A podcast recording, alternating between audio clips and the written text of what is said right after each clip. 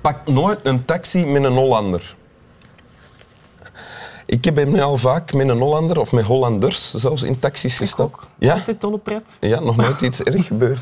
Eh, Boris is er ook bij. En mijn gast vandaag in Winteruur is Helene de Bruin. De bruine. Ja. De E kwam nog. Ik ging de Bruin eh, Excuseer. zeggen. Welkom Helene de Bruin. Columniste, schrijfster, eh radiopresentatrice. Mm, soms. Soms. Alleen als er een personeelstekort is. Ah, oké. Eh, oké, een reserve radiopresentatrice. Zoiets. Ja, en eh, je hebt ook een blog. Een podcast. En een podcast. Ja. Eh, wist ik allemaal. Vuile lakens heet Dat die. klopt. Ja. Ehm, en je, wo- en je bent eh, van Roeselaar, maar je woont in Gent nu. Ja, en je hebt eh, krollen. dat ze Ja, je weet zeggen. werkelijk alles over mij. En je hebt een tekst meegebracht, Dat klopt het? klopt, ja. Oké, Wil je die eens voorlezen? Ja, mijn, eh, de uitspraak van mijn Engels is wel niet zo heel goed. En het is bovendien 18e-eeuws Engels, dus misschien eh, gaat het een beetje raar klinken, maar ik zal mijn best doen. Oké. Strengthen the female mind by enlarging it, and there will be an end to blind obedience.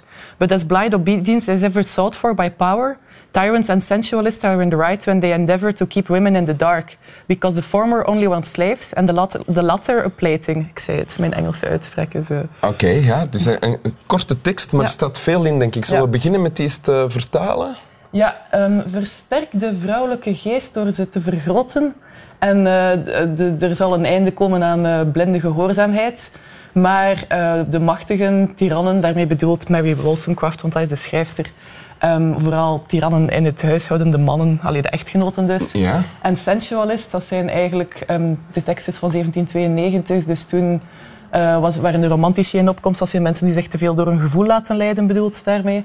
Ja. Ehm, die doen dat, die proberen vrouwen in, ja, in onwetendheid te houden, want de ene willen alleen maar slaven om hen te bedienen en de anderen willen een soort speeltje om avontuurtjes mee te beleven. Ah ja, voilà.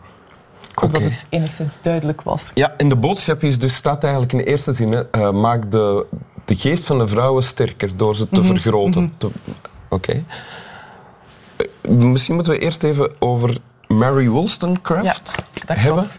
Ehm, dat is een vrouw, ehm 18e eeuw Engeland, opgegroeid in een gezin met een eh, vader, een alcoholieker. Heeft zichzelf opgewerkt, is naar Londen verhuisd om schrijfster te worden. Had ook allerlei affaires met allerlei mannen. Allee, een heel onconventioneel leven voor die tijd, dus Ja. dat vind ik al interessant. Ja. En ze was heel hard geïnspireerd door de Franse revolutie. Eh, maar die dacht van, oké, ehm, vrijheid, gelijkheid, allemaal goed en wel. Maar eh, de helft van de wereldbevolking zijn de vrouwen, daar spreekt niemand over. Dus ik vind dat ook vrouwen gelijke rechten moeten krijgen, wat dat in die tijd een nogal revolutionair idee was. En dan heeft ze dit Ja. geschreven, A Vindication of the Rights of Women. Ze heeft eerder A Vindication of the Rights of Man geschreven, eh, waarbij ze ideeën van de Franse revolutie uitlegden aan het Engels lezerspubliek. En dat was eh, de opvolger daarvan. Ah, Oké. En dus het is eigenlijk een soort feministisch manifest Ja. avant la lettre. Ja, dan. Ah, want het woord feminisme bestond nog helemaal niet. Oké. Ja. En hoe... hoe dus, eh, ik stel me voor, het is dan een vrouw die ook veel problemen heeft gehad. Ja, ja ehm, om te beginnen al omdat ze twee kinderen had zonder getrouwd te zijn. Dat vond eh, de goede gemeente al niet leuk. Dat ook niet zoveel geld, want zo met wat teksten vertalen en schrijven kom je niet ver. En bovendien... Ook toen al niet. Ja, nee, inderdaad. Dus ik kan me wel inleven in haar situatie. Ja. Maar, ehm, en sowieso, dit werd niet goed onthaald. Vooral omdat ze beschrijft in dit boek, dat vind ik heel fascinerend.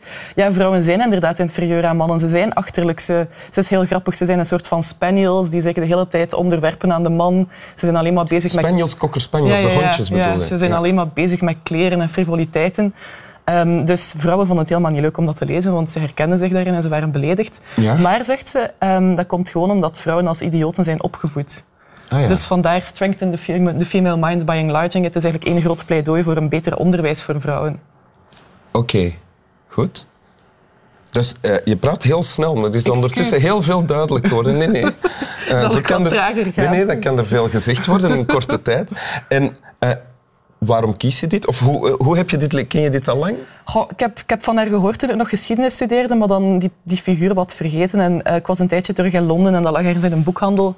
En ik kocht het en ik heb het op de trein bijna helemaal in één ruk doorgelezen. Ik was echt enorm gefascineerd, omdat ik dacht dat dat soort ideeën veel later pas geformuleerd werden. Ah, ja. In de tweede helft van de 19e eeuw, toen de suffragettenbeweging en zo opkwam. Die trouwens ook geïnspireerd waren door haar. Ja.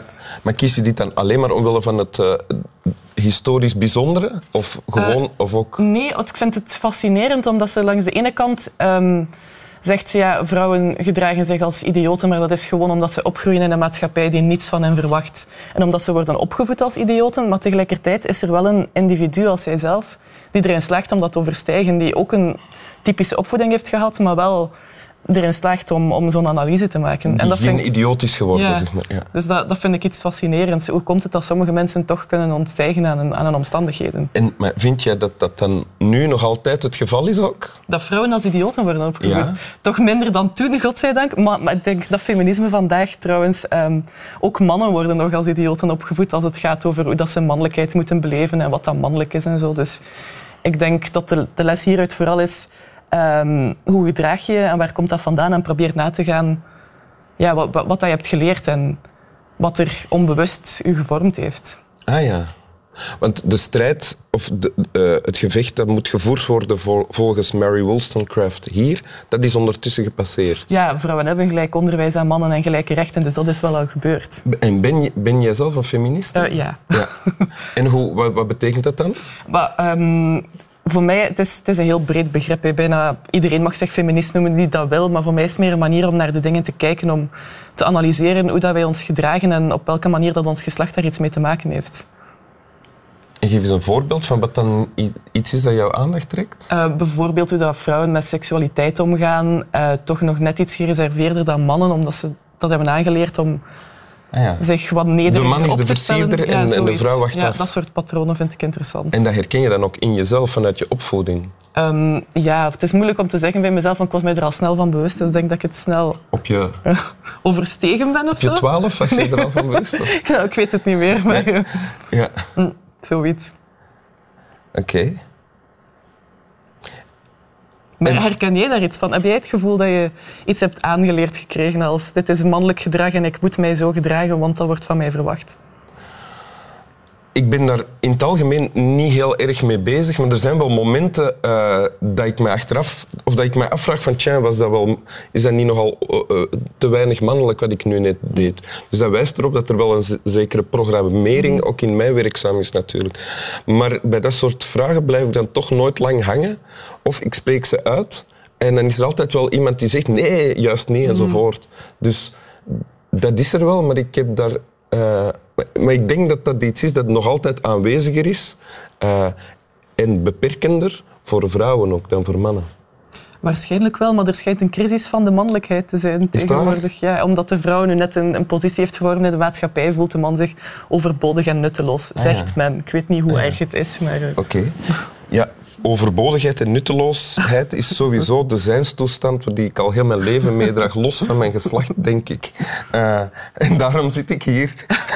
Wil je de tekst nog eens voorlezen? Eh, ja, ik zal mijn beste Engels nog eens bovenhalen. Eh 17. Strengthen the female mind by enlarging it, and there will be an end to blind obedience. But as blind obedience is ever sought for by power, tyrants and sensualists are in the right when they endeavor to keep women in the dark. Because the former only wants slaves, and the latter a plating. The latter a plating. Ja.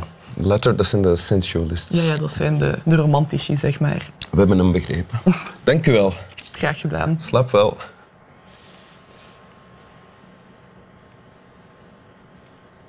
Ah, er is een stilte nu. En er wordt in de camera gestaard. Ja, dat staat toch in het script? Ah ja, oei. Stilte en wordt in de camera ges gestaan. en nu eh, een beetje melancholiek voor u uit. Ja.